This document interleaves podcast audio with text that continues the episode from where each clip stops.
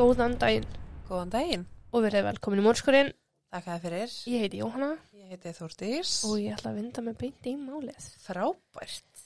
Dominique Ellen Dunn fættist hann 23. november árið 1959 í Santa Monica í Kaliforníu. Já, Takk Ok. fyrir það. nei. Okay.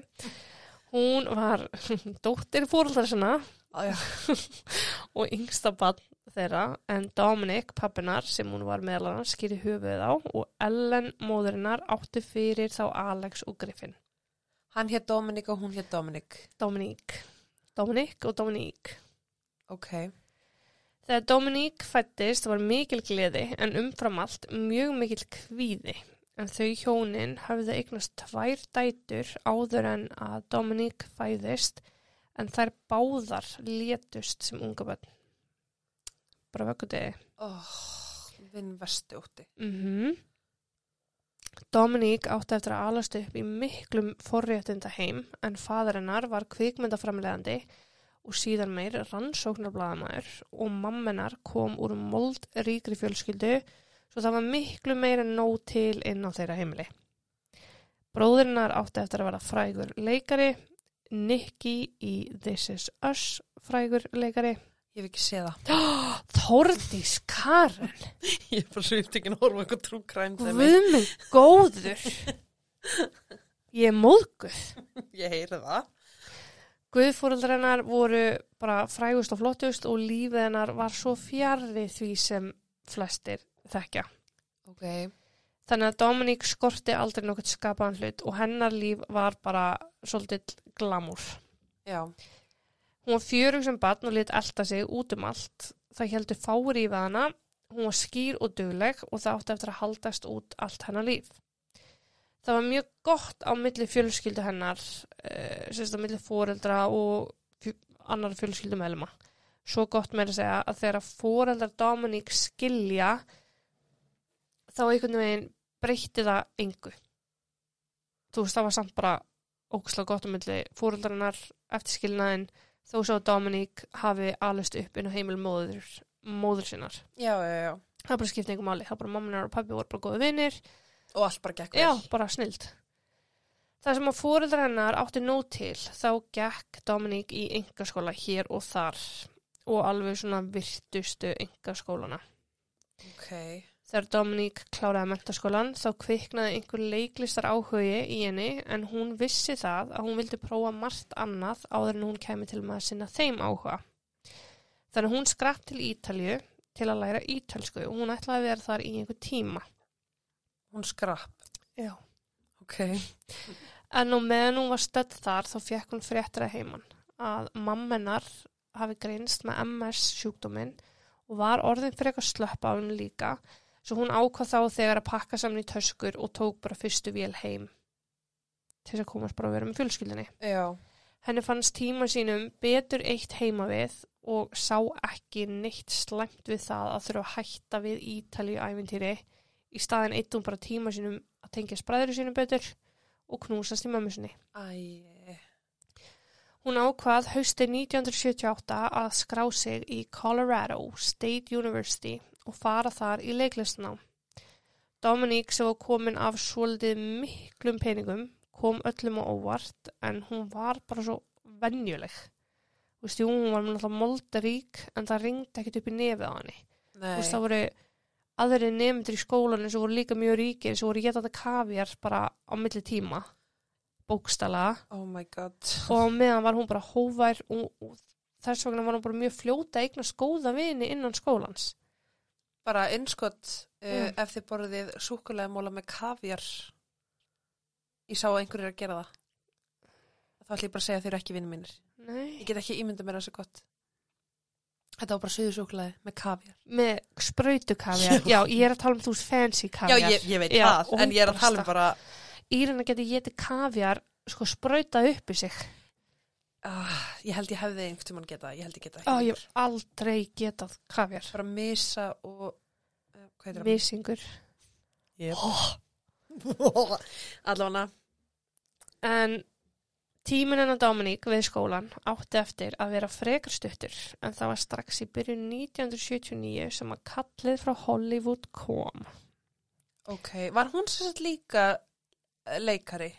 Já, hún fór í skólan til þess að læra leiklist. Já, eða þú veist bara að fara í, ég veit ekki hvernig það virkar, skilur að maður fyrir Colorado skólan að læra leiklist. Já, já, já. Heldur hann að úr í, að hún hafði það náttúrulega umfram aðra að e, það var fjölskylduvinur Dominík sem var komin í viðtal hjá virtum leikstjóra ah, og hún var vonguð um að ná sér í einhvers konar kvikmynda hlutverk og henni var alveg sama hvers konar hlutverk það var, henni langaði bara, bara leiklist skilur. Hún kemst að í kjölfari hjá umbósmanni og hún fer að hala inn uh, áhörnapröfum. Samlega því þá skráði hún sig í leiklista bara svona tíma, bara til að viðhalda þjálfuninni já, þar sem hún satt með mjög mörgum tilvonandi frægum leikurum í fjóra tíma í senn, í viku.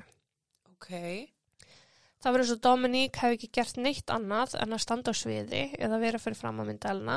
Hún var sjálfsörug og bara ógeðsla flott samkvæmt vinu sínum og vandamönnum. Hún gætt komið sér inn í hvaða hlutverk sem er. getur þú sagt mér einhverja mynd sem hún leki í? Augna bleik. Ok, Hún hefði synt nokkrum minniháta hlutverkum og auka hlutverkum í kvikmyndum þegar hún fekk bóð um að leika í sjóastáttum. En það voru þættirnir Diary of a Teenage Hitchhiker. ekki hugmynd, Nei, af því hún er eldri fóreldrar okkar þúrtskarinn. myndin, Nei, hún. konan, Já. já, En í þeim þáttum þá þurfti Dominík á köflum að leika erfitt hlutverk en hún brilleraði þar í öllu. Nei, hún brilleraði, hún brilleraði þar eins og í öllu öðru. En mér skilst að uh, hún hefði meðal annars þurft að leika unga stúlku sem var fyrir kynfyrsóbildi og þurft að leika, þú veist, upp á spítala sinna og allt það. Hún átti að hafa gert það bara svo með svo miklu innlifin. já, Næstu tvö ár hjælt hún áfram að byrtast að sjóar skjáum og í leikritum og hún sankaði af sér einslunni og í leiðinni vakt hún mikla aðtigla á sjálfur sér. já, Svo mikill reyndar að hún landaði hlutverki í kvikmynd eftir Steven Spielberg sem heitir Poltergeist. Ég veit ekkert hvað mynd það er, ég held að oh það sé my god, ég veit, Veistu málið? uh, Eða það ekki myndina? Bæði, Ok. uh, ég veit ekki málið, en ég þekki myndina. En þar leik Dominík eitt af aðal hlutverkunum og þetta er að gerast 81 þegar hún er 22 ára gömul. Já, Dominík var ákveðin kona og hún hafði bein í nefinu og, og hún var það ákveðin að í eitt skipti þá mótmælt hún því þegar Steven sjálfur Spielberg ætlaðist til þess að persóna Dominík liti út fyrir að vera með sáblett á hálsinum. Henni fannst það bara ógeðslega hallarslegt og fannst það ekki gera sinni persónu neitt greiða nei, að því að þá átti hún að hafa hitt eitthvað strák fyrir um kvöldið og svo var eitthvað atriði og þar átti að sjást í já, og. Dominik var bara okkur fokkunum, þarf að vera sóblettur Já, er hann með sóblett? Okkur ég var með sóblett? er þetta ekki svolítið svona hvern Jú.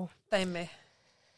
Þessi kvikmynd var á topp tíu lista yfir kvikmyndir sem að höluðu inn mestum pening þetta ár sem var öðlilega til þess að andli Dominik var orðið ansið þekkt í Hollywood. En þrátt fyrir fræð og frama þá hafði Dominik ekkert verið í neinu strákastandi. Hún, hún náttúrulega fekk hellingsatikli en hún var samt ekkert eitthvað að baða sig upp úr henni. Nei, ég mitt. En það var þarna haustið 81 sem hún var farin að hafa meiri áhuga á því að reyna að kynnast einhverjum. Hún og vinkonur hennar ákveða því að halda það sem þær kölluðu bógumanna afmælisparti, Sagittarius Party. Ok, það segir mér hvorut, segir mér eitthvað. en Dominik var sagt bógumæður í stjórnumerki, Já, sjálfsagt eins og einhverju vinkonur hennar og þær fara að plana og þær eru alveg ógeðslega spenntar fyrir þessu kvöldi sem á að vera tilengað alveg. Þetta er bara ammælisveisla sem að þær bara kölluðu, þú veist, þessu trendi nafni, Sagittarius Party. já, já, já. En þegar loksins kemur að kvöldinu þá er það bara hálfglatað. Og það leita allt út fyrir það að þær kæmu ekki til með að kynnast okkur manni. Því kvöldu var bara að vera búið og á lokum er partíið búið og þær byrja að ganga frá frekar spældar Já, og þá ringið dyrabjallan. En vinur þeirra, Robert, var kominn og með í för var náfölu strákur að nafni John Sweeney. Vinkunni Dominík fannst nú ekki mikið varið í hennan gaur. Fannst hann bara frekar skrítin ef einhvað var, en Dominík sá einhvað við hennan gaur þó að vinkunninnar gerði það svo sannlega ekki. John var fjórum árum eldri en Dominique og hann var aðstofakokkur á May Mason veitingastað þar sem allir hinnur frægustu yttu kvöldunum sínum. En þetta var bara uppáhaldstaður þeirra sem áttu fullt af peningum á þessum áru.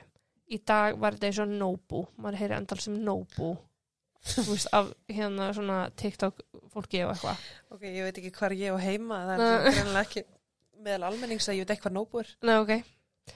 En John og Dominique, þau spjalla saman og þau spjalla og þau spjalla og þau ná svona ofbúslega vel saman. Þannig að kvöldi sem að leit allt út fyrir að ætla að enda bara á glataðan máta varð allt í hennu ekki alveg eins glatað. Samband John og Dominique átti eftir að þróast mjög hratt. Uh, þau voru bara farin að deyta eftir þetta kvöld. Ok, og er hann John Sweeney, minnst að vera eitthvað svona fræknafn, er hann leikari líka? Nei, hann er kokkur. Já, hann er, já, ok, hann er ekki nei, frægur. Nei, nei, nei, nei. Og þau komu með þess að úr mjög mismunandi aðstæðum. Dominique frá þessu glamúr aðstæðum en John frá tölvöld erfiðari aðstæðum. Já, já, já. Pappi Johns var fyllibita, hann lagði hendur á konunni sína og hann lagði hendur á börnin sín og John var þar engin undantekning á. Já, frábært. Já, og lauruglan ansi týrgestur inn á heimilu fjölskyldunar. John hafði þurft að vinna tölvöld meira fyrir því sem hann átti. Já, en hann hafði komið sér úr heimilisaðstæðunum með því að fara í maturhúsnám, búið sér til nafn innan veitingstað heimsins, flutti náttúrulega til Los Angeles, hann var upprunalega af uh, austurströndu bandarækina já, og hún gekk alveg briljant vel í því sem hann var að gera, sko. ok. Vinir Dominík voru farnir að lítast örlítið betur á hann gaur, en það sem var hægt að setja út á hann var hvað hann var skapstór. Já, hann var í góðu skapi svona yfirleitt en ef hann reyttist þá fór það ekki fram hjá nokkru manni hann vann á þessum flottaveitingstað var undir pressu allan líðlangan daginn sem sjálfsagt hjálpaði ekki til hvað hann var raunverulega tæpur að vinna í svona erfið umhverfi já, hann átti það alveg til að lenda í slagsmálum og annað þetta var stórgaur, massaður vissi vel sína krafta mjög ófeimin að nota þá krafta ok. Þú veist að lýsa ykkurum sem er ekki heitlandi. Nei, en til að slaka eins á þá átt hann sín áhugamál. Sjálfsvarnanámskeið og myndlist. En myndlistin Ok. Áhugin þar, hann var hann var óhefbundin svo ekki meira sér sagt. En hann hafði sérstakann áhuga á myndverkum sem voru máluð með blóði. Já, Ok, þú veist, stitt sínist hverju mál það. Ég mitt Hérna. bara æði, frábært. Velgengni Johns var ekkit minni þó svo hún hafi verið mjög öðri í sig en velgengni Dominique.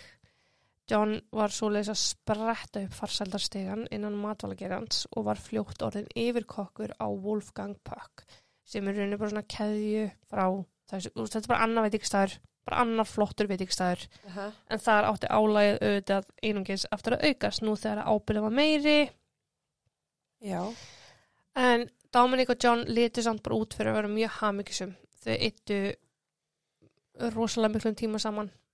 Þau voru flutt inn saman á nokkru vikum og voru búin að leiða sér þessa flottu tveggja hérna sömnherbyggi íbúð og þau voru alveg ógeðslega ástfangin. Svo ástfangin að þau voru oft klætt í stíl. Já, já, svona eins og þegar fóldrar klæða tvíburana sína í stíl. Já eða þú veist, svona eins og hérna Britney Spears og, og Justin Timberlake moment, skilur. Já, Gino, Gino, Gino. hvað eru þau er cirka á þessu? Ekki, hvað sagður Denim on denim on denim on denim. þau? Hún er 22 ára og Já. hann er 26. Ok, ok, ok. Ok, ok, ok, ok. Ok, ok, ok. John er sagður hafa ekki sér neitt annað en Dominic. Ef hún var viðstödd í einhverju herbyggi, þá voru augun hans bara á henni. Litu ekki af henni. Sem hljómar voru krútlegt, En, En- það getur líka hljóma svolítið svona stjórnsamt. já, rosalega eitrað. Já. En Dominic var náttúrulega bara sjúklega sjúk í það að maðurinn sem hefði bara auga fyrir henni og aðteklina bara á hana. Já, ég meina að það er kannski eitthvað sem við óskum okkur öll, en kannski ekki alveg á hverju að Sindri- sekundubróti. væri stanslust að horfa á mig í einhverju partíi Ég myndi taka gaffal og ég myndi rífa augun úr honum. Ég myndi gera það fyrir þig, sko. Ég, ég væri bara, getur við farið? Getur þú farið? Nei, kannski ekki alveg, en þú veist, það er milligur, sko. Uh -huh. En þegar leið á sambandi þá voru vinir Dominík farnar að taka eftir því að hún var með marbletti hér og þar. Það og hérna, vá. Og Dominík, hún reyndi vist í einhver skipta að sannfara fólku um að þetta væri bara farði eftir dag í upptökuverinu. En vinir hennar sáu yfirleitt í gegnum þá frásögn. En hún kærði sér samt ekkert um að ræða neitt frekar af hverju hún var með þessa marbletti. Nei. Þá var einnig að koma í ljós að John var tölvöld drikkfældari en einhver hefði átt von á. En hann var til dæmis vanur að panta tvær heilar dombrjón, Flöskur. já, Ok. bara flöskur dýr sort, við kvöldmátaborðið uh, sem að fólk þótti ekkert allt og eðlilegt. Sérstaklega því að sko Dominík var alltaf að drakk. Ok, af hverju var hann þá að panta þetta? Bara að líta vel út. Nei, hann var að drakka alltaf sjálfur. Já, já. Mm -hmm. Maður sem alltaf drakk. Ha, Nei, já, já, hún var alltaf drakk. hún var alltaf að drakk. Dominik, guðmigóður. Dominík Já. En svo voru komið upp atvik þar sem hinn eru þessir urðu vitnaf. En Dominík verandi þessi þekta persóna, þá dró hún að sér aðtegli hvert sem hún fór. Hún var farin að lendi í því að aðdáendur gengu upp að henni til að tala með hana, rósinni eða jafnvel reyna við hana. Já. Og þetta lagðist svona hrikalega illa í John. Þetta er bara eitthvað sem fylgir. Já. En hann er saður hafa í eitt skipti tekið upp heilan fullorðin mann sem hann gekk upp á Dominík. Tók hann upp og hreinlega hristan fyrir það eitt að hrósa Dominík. Þannig Ok. Henni var hægt að lítast á þessa hegðun og vildi að sjálfsögðu ekki hafa það orðspor á sér að eiga einhvern klikkaðan kærasta Nei. sem var bara þjakaður afbrýðsemi Líka bara núna þegar þú kannski byrjuð að vera þekkt Mhm. að þá er meira fólk in your business. og nú þarf þetta að passa ímyndana einu svolítið. Aha. en og þannig að hún tekur þessu náttúrulega mjög alvarlega hún var fann að draga sig í hlið frá vinu sinum að það John var alltaf límdu við hana hún var fann að forðast að taka hann með sér á viðbyrði en það skítrættum að hann tæki einhvert trillingskastið ef einhver myndi að horfa á hana vittlust Já. hegðun hennar var fann að breytast líka í Gard Johns hún var kannski fann að vera svolítið þurrar við hann en hann í kjölfæri alveg vissum það að hún var að halda að vera menn En raunin var við þetta innfallega svo að hún var bara að missa áhuga á þessu manni sem að hún var að sjá að byggi í kærastunni sínum. Já. Þessi afbreyði sem er átti að það vestna hratt. Hún fór úr því að hann var ósáttur við það að Dominík var með kallkins leiklistakennara í það að hann reyndi hreinlega sannfarnu um að afþekka hlutverk af því að meðleikarar hennar voru kallmenn. Ok. Þarna eru þau búin að vera saman í nokkra mánuði og í lok ágúst árið 1982 þá er ástandið greinilega orðið töluvert verra. Því Dominík kemur heim til móður sinnar, hágrandandi og er mjög skelkuð og segir mömmu sinni frá því að hún og John hafi verið að rífast, hann hafi verið fullur og hann hafi hrindin í gólfið, rifið í höfuð á henni og skellt í, gólfið endur tekið. Ok. Móðurinnar tók ekki annað í mál en að dótt sinni eitthvað heima hjá sér núna sem að Dominík var sammála og þáði en einungis tveimu dögum síðar var John mættur á úterhöruna með blómin og öll lofórðin og allar afsakaninnar og Dominík endaði þann daginn á því að fara heim með honum. Já. En Það tekur langan tíma að koma sér úr. að lámarki eitthvað áttaskiptið eitthvað. Já. En það var ekki nema fjórum vikum síðar sem að annað tilfelli átt eftir að koma upp en það var þegar Dominík og John voru með vinafólks í heimsókn. Þau höfðu eitt kvöldinu að uh, drakka koktela og borða góða mat og þegar allir sögðu góða nótt átti engin vona þeim látum sem átti eftir að eiga sér stað stutt sér. Ok. En vinafólk Dominík sem voru í sof- stofunni urðu allt í einu vör við mikil öskur sem að virtist að koma úr herbergi Dominík og uh, Johns og hljóðin úr eða frá henni. Ok. Þeir fannst eins og Dominík næði ekki andanum almennilega og milli öskra. Svo vinafólki fer að söfnherbyggshörðara og bankar og segja þeim að steinhætta þessu rugli sem að þau gerur ráð fyrir að yrði bara nóg. og í smástund heldu þau að það væri nóg að því að, að, að lætin hættu. En nokkrum andartökum síðar heldu öskurinn áfram og þau heyra stóla vera að dregna um herbyggið og svona skellt upp að hurðinni. Oh. Stuttu síðar kemur Dominík hlaupandi út úr herbygginu og segir frá því með John á eftir sér að hann hafi reynda kirkjana. John er einhvað að þverja neyta fyrir þetta allt saman þegar Dominík segist alltaf fara inn á baðherbyggi. Hún er bara að hæra, ok, fokka þú er, ég ætla að bað og hann eitthvað, það er í lægi, gaf henni leifi til að fara hann að bað. Já, ok. Hún spurði hengar sko. Nei, og það er ekki þitt að gefa leiði ef einhver farin á bað. Mm -mm. Stuttu síðar heyra þau í bíl rökkva í gang fyrir utan. En þá hefði Dominík laumast út um baðherbyggsklukkan og út í bíli sinn og ætlaði bara hreinlega að flýja. Gott hjáni. Mm En John, klikkhausinn sem hann var, hljóp beinustuleg út og hoppaði upp á hútið á bílumennar áður en hún náði að taka almennilega af stað. Kerðu með hann á fokkin hútinu. Þegar hún, lag, þegar hún gæti loksins kyrt áfram þá rík hjælt John sér í rúðuþurkatan á bílunum og lá á hútinu. Bara gjör svo vel. Mátt alveg koma með mér. Þetta er á vandanum.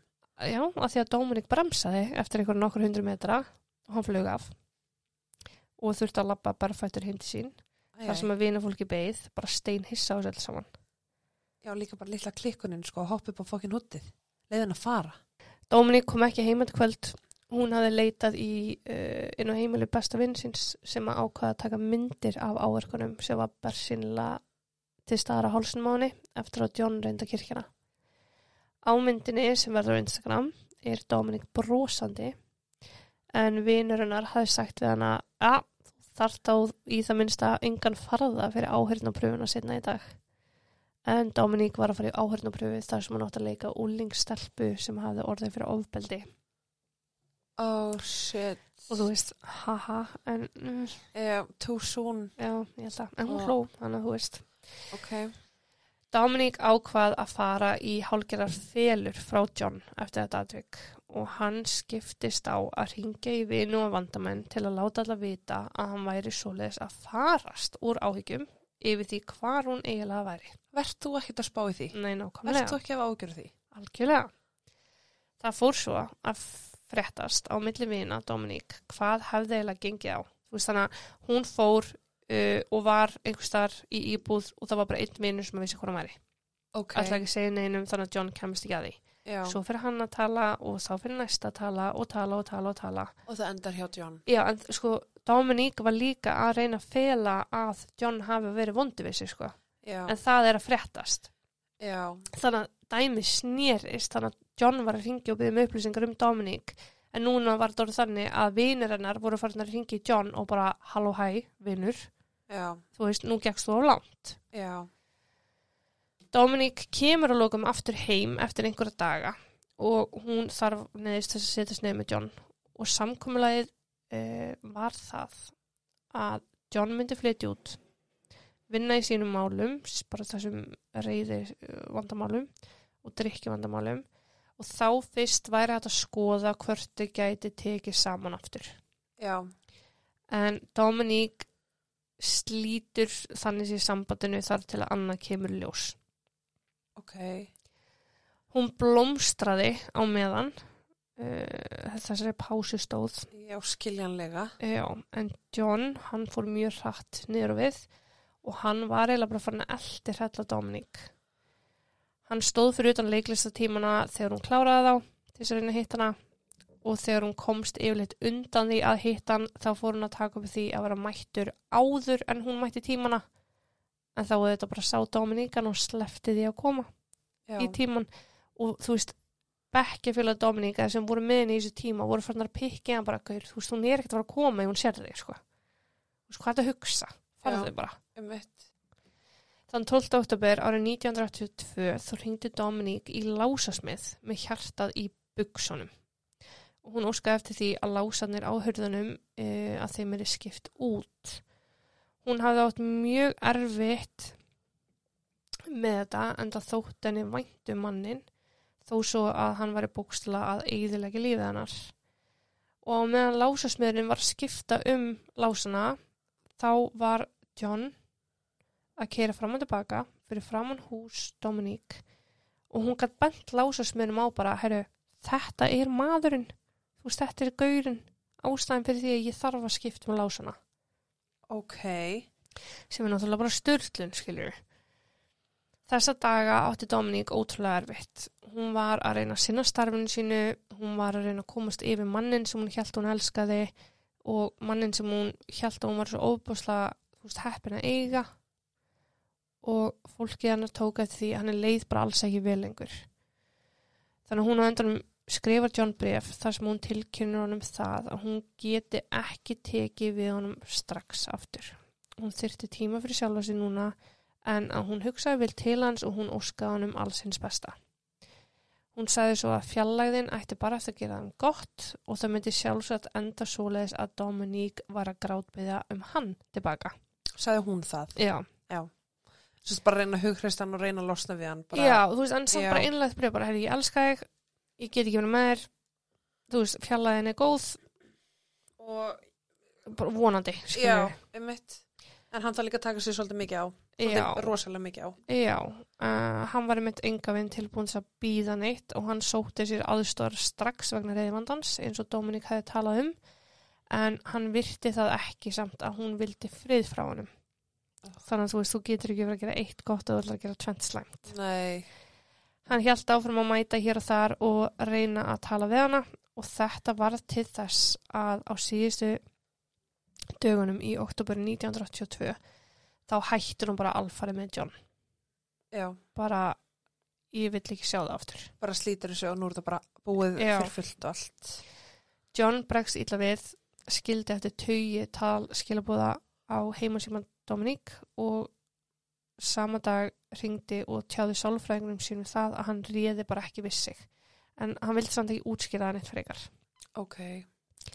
Hann hjælt áfram og hann ringdi vinkunni Dominík og bað þær um að koma hínu og þessu til skila til hennar að því hann ætlaði bara ekki að gefast upp. Já. En þær lítið því náttúrulega bara ekki neitt. En það var þann 30. oktober árið 1982 sem að Dominík var heima hjá sér með leikara að nafni David. En þau voru að æfa handrit fyrir sjóaserju sem þau voru að fara að leiki Mm þegar síminn hennar ringir, heimasíminn. Hún svarar og á línunni er vinkonunnar og það spjalla bara og er að spjalla þegar skiptiborðið er sífælt að reyna að láta vita af öðru símtali sem væri að reyna að komast í gegn. Ok. Þetta er hérna svona, þetta er 1980 eitthvað, þá er bara síma skiptiborð sem hún ringir í, fara samband áfram. Og svo ertu bara að skella og þá fá næsta. Já. Já. En Dominík vissi það bara að þetta var John, það var engin annar sem mögulega að reyna að ringja hana. Nei, einmitt. Þannig að Dominík á endanum tekur símtalun hans bara til þess að segja um að láta sig í friði. En John let hana svo sannlega ekki friði af því að hann var komin heim til Dominík innan við tíu mínútum síðar. Já. Já. Hann stóð fyrir utan hurðina, öskrandi inn og Dominík svaraði honum á sama máta í gegnum hurðina. Þannig að þau standa sig ykkur með hurðina og öskra hvort annað Hún bara með læst að hörða vill ekki opna. E, já. Að lokum gefur Dominík sig og opnar hurðina og segist geta tala við hann í garðinum á meðan David, leikarinn, e, býður inni á meðan. Segir hún honum að David sé hjá sér? Já, Ok. það var alveg vitað sko. Ok. Það er út í garða komið, brýst út rifrildi á milli þeirra. David segist hafa heyrt öskur, tvo smelli og ding. Hann var strax órólegur og kallaði til lauruglu en það hafði hann orðið vittni að þeim öskrum uh, sem hafði átt stað og undan í gegnum hurðina. En lauruglan hins vegar sagði David að þetta var ekki innan þeirra verka rings að brjóta upp rifrildi á milli fyrirvændi kærespars. Þetta er það, þetta er heimilis ofbeldi, mm -hmm. séu fyrrandi ekki. Mm -hmm. Oh. David ringdi til næst í vinn sinn og sagði bara, "Úst, ef ég finnst dáin þá var það John Sweeney hann er bara geðveikur hérna hann er bara gjössalega styrlaður hérna hann hljóp svo út baktar megin og var að, og var að ganga út bílastæðið þegar hann tók eftir John eitthvað svona bóður að sér ofin í runna Ok. John kallar á David um leið og hann tekur eftir hannum og öskrar á hann að ringja í laurugluna.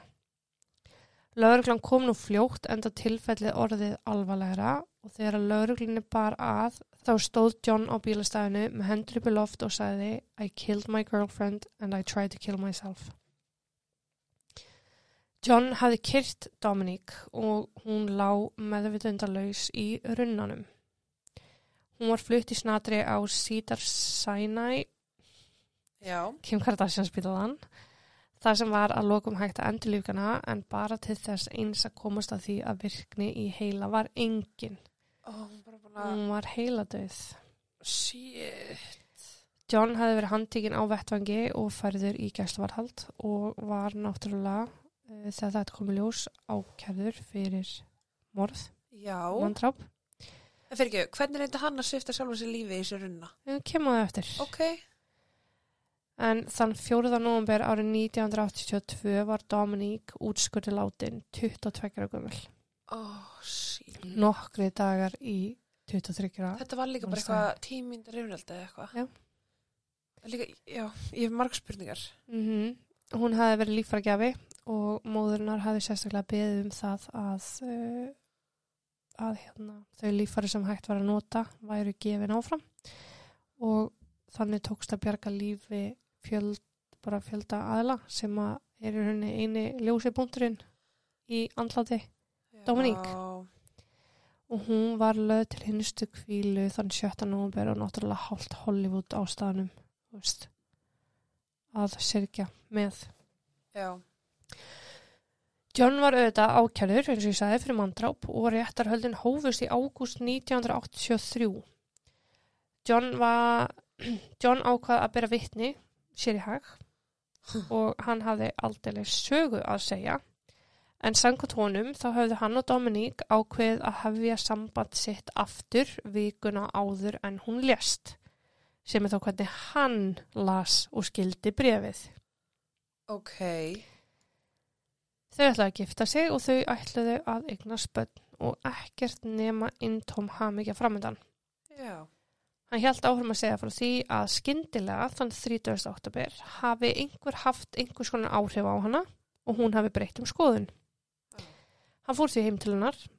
Hann sagði að Dominique hafi sagt við sig að hún hafi viljandi dreigið hann á asnæðirunum og hún hafi aldrei ætlað að taka við honum aftur.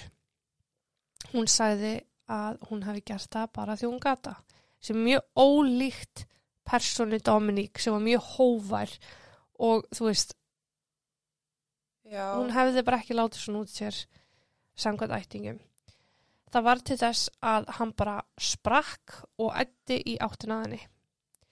Hann vildi meina það að hann myndi ekki neitt frá árásni eða þar til hann áttaði sig á því að hann væri ofan á henni með hendurnar utan um hálsin á henni. Sýst bara skyndi byrja alveg ef hann sá allt. eða Já. þú veist. Ok. Hann áttaði sig fljóta því að hún andaði ekki. Hann reyndi því að fá hana til að standa upp og lappa um með sér til að reyna að vekja hana en hún vaknaði ekki. Hún fjall bara niður í jörðina aftur. Já. Hann ákvað því að beita hjartanóði með von um að hann geti vakið hana en þetta var einungist til þess að Dominic kastaði upp bara reflex, hann hefur bara verið að beita hjartanóðinu og neðalega eða eitthvað skilju. Hann hafi þá sjálfur kastað upp, hlupið inn í íbúð Dominic og fundið þar uh, tvö hilki með töflum, eða þess uh, pillbox með töflum. Já. Hann kynkti þeim öllum, sagði hann og hljóp aftur út þar sem hann lagðist niður við hliðan á Dominík og beigð eftir því að hann myndi sjálfur deyja. Þetta náttúrulega stangast aðeins á við frásögn David sem var á staðinum þegar þetta gerðist. Uh -huh.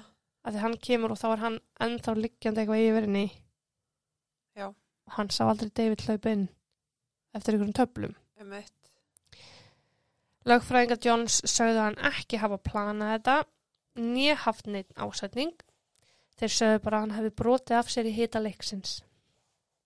Fjölskylda og vinir Dominík voru þessu hjartala ósamala og þau sögðu öll að sama að John og Dominík hefði aldrei sæst og planið hefði aldrei verið að hefði sambandi aftur. Dominík var í þessu erfiða tímbilega sem hún var að reyna að komast yfir hann og, Og taka var- það í sátt að þetta myndi bara aldrei ganga. Hún var líka með David? Hún var ekki með honum. Nei, ég er að segja að þú veist, var, hann var hjá henni. Já, nákvæmlega þegar Já. það var. Hins vegar heldu þau að John hafi farið heim til hennar, trúlegs með þeim tilgangi að hylla hann upp úr skónum eða reyna að vinna hana tilbaka, en að Dominique hafi staðið först á sínu. Já. Þau bentu á að það fjækst aldrei sannað að John hafi raunverulega tekið töflunar, en ef hann hefði gert það þá væntanlega hefði hann endað henn á spítala og það hefði þurft að dælu upp úr num eða einhvers konar læknismeðferð til að, til að koma í vekk fyrir livja í drunn Aha. þá er engin gögnu það. Þau vildu meina það að ef hann gæti ekki fengið hana þá fengi hana engin og hann hafi bara vist verið með ásetningin til staðar. E, já. Krupningalegnir benti á að hefði verið kyrst í trúlegast uh, að minnstakosti þrjár mínútur áður en hún misti meðutund. Hann hafi því haft þess að þrjár mínútur til að ná stjórn á skapisinu og hætta kirkjana en hann gerði það ekki þannig að það má kalla ásetning. Aha. Fyrirvændi kærsa Johns var kölluðinn til að byrja vitni en þegar að e, saksóknari gerði það þá kallaði e, lögfræðinga Johns í dómara og báði morð sögðu að þetta hérna, geti verið hemdar vitnisburður.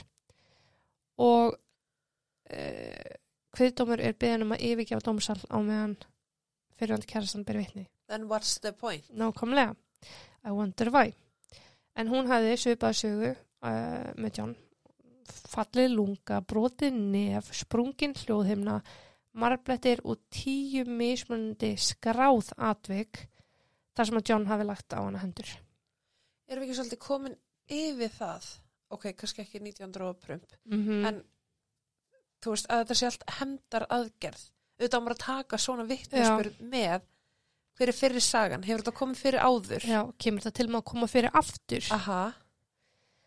En á meðan hún bara vitni þó reyndist John hoppaði upp úr sætinu sínu og svo leiðis ætti í átt að dómarastúku. Heitir það dómarastúka? Þar sem dómari situr. Já. og hún fyrir hann til kærastan. Já. og það fyrir ekki betur en svo en að fjórir vopnaði verðir bara náttúrulega stukku á hann.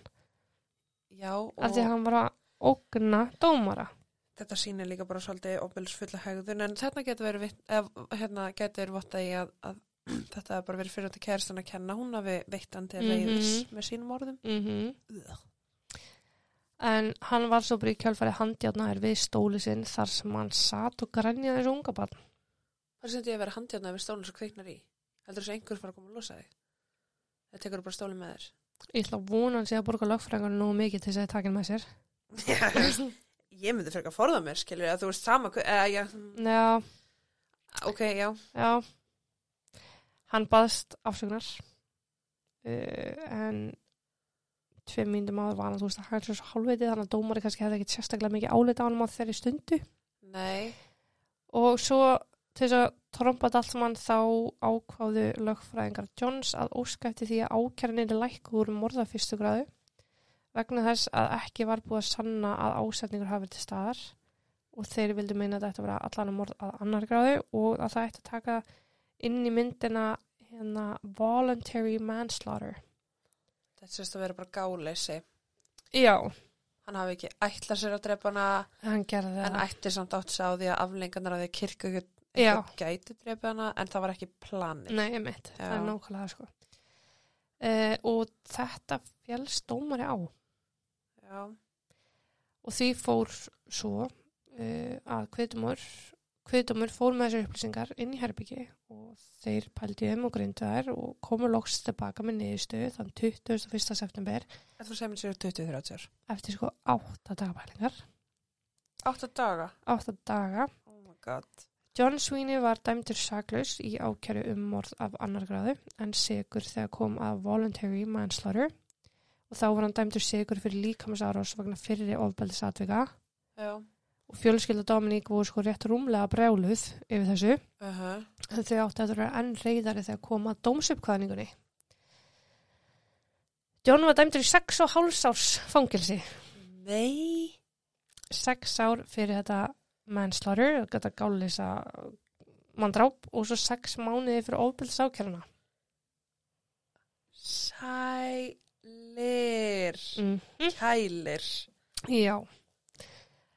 Og fjölskyldan var náttúrulega rosalega reið Dominik verandi þessi mikilvægi pappin Dominic Já, pappinn, já, Eh, já. verandi þessi mikilvægi maður í samfélaginu hann hjælt utan um allt málið og hann átti síðan meir eftir að byrta það í hérna Vanity Fair já. blæðinu Mhm.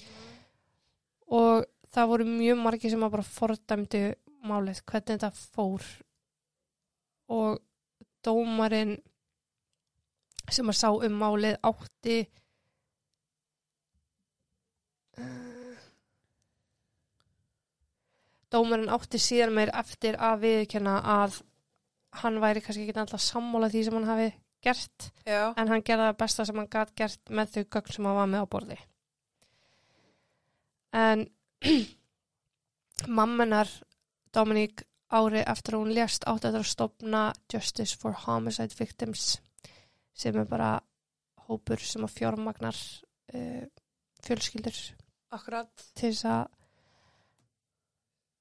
bara hjálpa aðstandardum fórnalapa morða.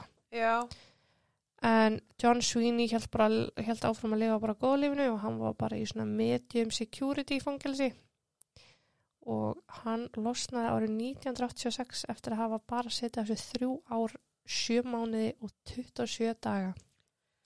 fyrir þetta. Jáp. Og hann fekk svo bara svakalega góða vinnu í kjálfarið, fekk bara af, sem hérna head chef, hvað heitir þetta hérna?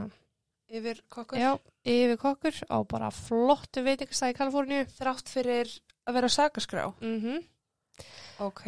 En Griffin bróðir uh, Dominík og mamminar um leið að þau komist að þessu þá fóru þau fyrir utanveitingstæðin og dreifuðu dreifum með um sem að stóð á The food you will eat tonight was cooked by a hands that killed Dominic Dunn.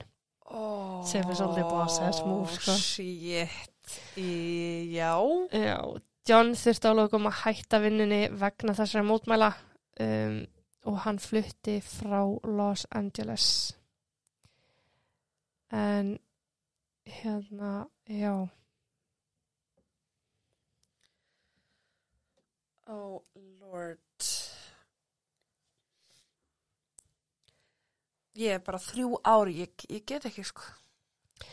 já og sko bróðurinnar Griffin, sá sem að leikur Nicky í This Is Us, hann er alveg bara búin að ganga svo langt að ef hann fréttir af því að John sé í sambandi með ykkurum, þá bara hefur hann sambandi við konuna og bara, heyrðu, bara, hérna, láta að vita að hann er morðingi. Sko, það Bara er geggjað. íhugaðu bara hvað þú ert að pæla þú veist, pældu bara aðeins í þessu Já, sko, það er geggjað. Tvær ástæður, eða þú veist, fyrsta, það er bara ekkit allir sem að ég kynnist þér og þú ert rosa næs og góð og allt þetta og ég hlust ekkit á svona kjæftæði, skilur mm -mm. Og svo öðrulegi, ok, ámar að gefa mönnum og konum og öllum sens á að gera betur og læra mistökum. ekki þetta fokkið þrjú orði fangilsu sko Nei, ég veist, ég meina þrjú ár kannski veit að það er voða litla eitthvað betrun og þú veist, ég meina þú nær kannski ekki áttið á því að þetta er ekki svona hluti að maður ekki að gera, skilur Nei. en það er heldur ekki bara það veist, hann, hann gerir sér örgulega fulla grein fyrir því að hann eigi ekki að gera þessa hluti það sem hann gerir sér ekki grein fyrir er, er að hann þarf aðstóð Já, og hann er ekki að leita sér við hann aðstóðar já og, og- það er sko hérna voluntary manslaughter mm fyrir bara ykkur að vita. Að þá er það sagt heat of passion. Það er bara ástrið og glæpur já, um og það er eitthvað sem þú gerir þá einmitt undir hérna þessum áhrifum. Þannig að sko ég skil rosa vel að, verið, að þetta hafi verið dæmt svona. Já. ég hefði aldrei hugsað fyrsta stigs morð aldrei. Þetta er aldrei, þetta er ekki þetta er ekki Nei, ásendingur ég er alveg sammála því sko. Það er eitthvað sem gerðist hann að klikka þetta milli er að hún hafna honum kannski eða eitthvað þú veist sem að gera verkum hann alltaf bara klikkaðist. Mm þannig að, jú, annarkvort gáli sig auðvitað, auðvitað þegar þú ert að kirkja einhvern átt að gera grein fyrir því að með því að kirkja þá getur þú drepið, já, sko. bara hverju afleggingar af því er Já, sko. og því lengur sem þú kirkir því, þú veist. En ég skil af hverju voluntary man manslöru var notað, sérstaklega að því þetta er ástriðugleipur já, en hámas hámas refsing fyrir það er sjö ár Nei, Já. sex ár fyrir ekki, sex ár. Já, þannig að hann hefur þá fengið hann fekk hámas refsingu, en þú sex ár, það reftu mikið þannig að þeir lægi að drepa makamanns að því mann elskar hann. Uh -huh. þú veist það er það sem eins og lög segja mér. En fun fact, rétt áður en við slúttum þessu um, Poltergeist kvikmyndin, þetta er sérst hryllingsmynd sem hún leki í.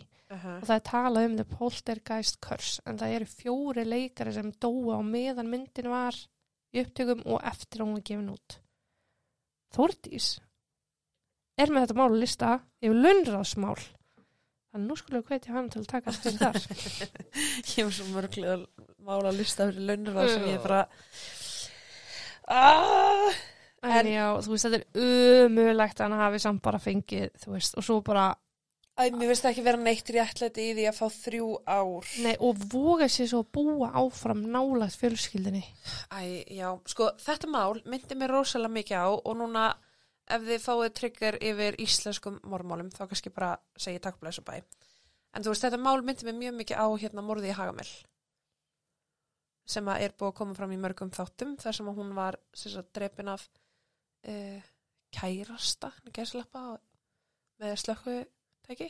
já, já, já, já, núna nýla 2019 eða eitthvað, Þannig að já. hún var með, þú veist, hennar meðlendin var heima, skilur, hann kemur og Já, vá, þú segir, já, þetta myndi mér rosalega mikið á það sko. Tölvöld blóðugra já, já, blóðugur já, vettvangur, allt öðru sér samt. vettvangur. En Já. bara þetta þú veist að ég veit ekki. Og hann fekk hér á Íslandi Mhm, fekk þessi maður herridóm mhm, heldur en þessi maður út í fokkans bandaríkjunum. Mhm, þar sem að þú fær nánast dauðarefsingu fyrir að vera svartur, Já. nákvæmlega. Þetta er bara, mér finnst það ótrúlega skríti Þetta kannski segir líka að þetta var hvítur maður. Þú veist, í góðri vinnu þannig segja veliðin í samfélaginu þekktur innan samfélagsins og hann Aha. fikk minni dómi kjölfarið. Uh -huh, en ef hún hefði átt einhvern veginn öðru í sig kærasta uh að þá hefði við komandi fikið 50 ár þetta er bara, já, þú veist að því ég, bara, ég hef aldrei hugsað til þess að nokkuð tíman hérna á þessu litla landi getur þú fengið herri dóm heldur en einhver annar annar staðar Nei. þetta þarf náttúrulega að meta hverja einustu aðstæður fyrir sig og allt svoleiðis en þú veist ef við hugsun bara ástriðugleipur Mhm. hvernig þetta gerðist, hann kom, hann ætlaði kannski ekki að drepa hana en hann gerði það in the heat of the moment Já. sama hérna í, í málunni Hagamel skilur Mhm. þannig að maður er eitthvað svona þrjú ár En svo finnst mér lögreglan líka bara einhvers konar ábyrð fyrir því að hafa ekki viljað koma á vettvang. uh -huh. En Raukin fyrir því er náttúrulega þau að það var aldrei neitt lögurlumál á borði. Það var ekki neinn umsóknum nálgunum bann eða neitt slikt sem var að borða lögurlu. Já. Sem að, já. En hérna við erum að renna út á tíma þannig ég ætla að þakka fyrir mig í dag. Já. Og takk og bless. Takk og bless.